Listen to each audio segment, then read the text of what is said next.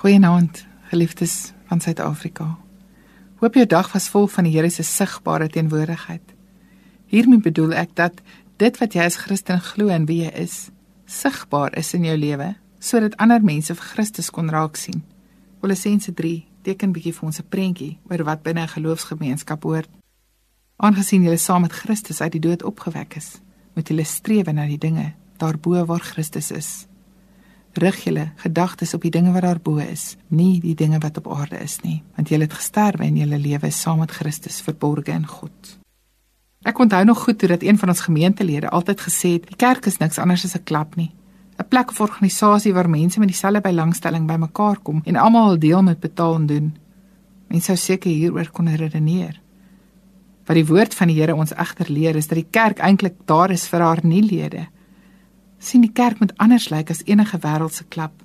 Die kerk moet die nuwe lewe van 'n opgestane, lewende God verteenwoordig. 'n Plek wat nie die sondige natuur van die mens koester of ruimte gee nie. 'n Plek waar mense se egos, magsbeheptheid, geldgierigheid, haatheid en vervloeking nie tuis hoort nie. Christus is die hoof van die kerk. Sy liefde en genade vir ons staan sentraal. Ons kerkwees is 'n uitdrukking van sy liefde in ons lewe. Ons antwoord as dit ware met ons lewe op sy liefde. Daarom As ons bymekaar is, moet ons geleer en onderrig word via sy liefde en die wysheid. Ons moet die Bybel lees en daaroor praat. Ons moet lofliedere sing en dankgebede aan God bring.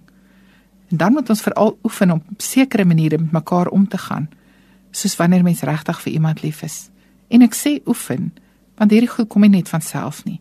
Dit vra 'n ander stuk gehoorsaamheid aan die Here ter wille van ander. Sien my broer en suster, dit is alleen in ons andersheid ons mooi positiewe andersheid wat ons 'n impak gaan maak op die mense om ons.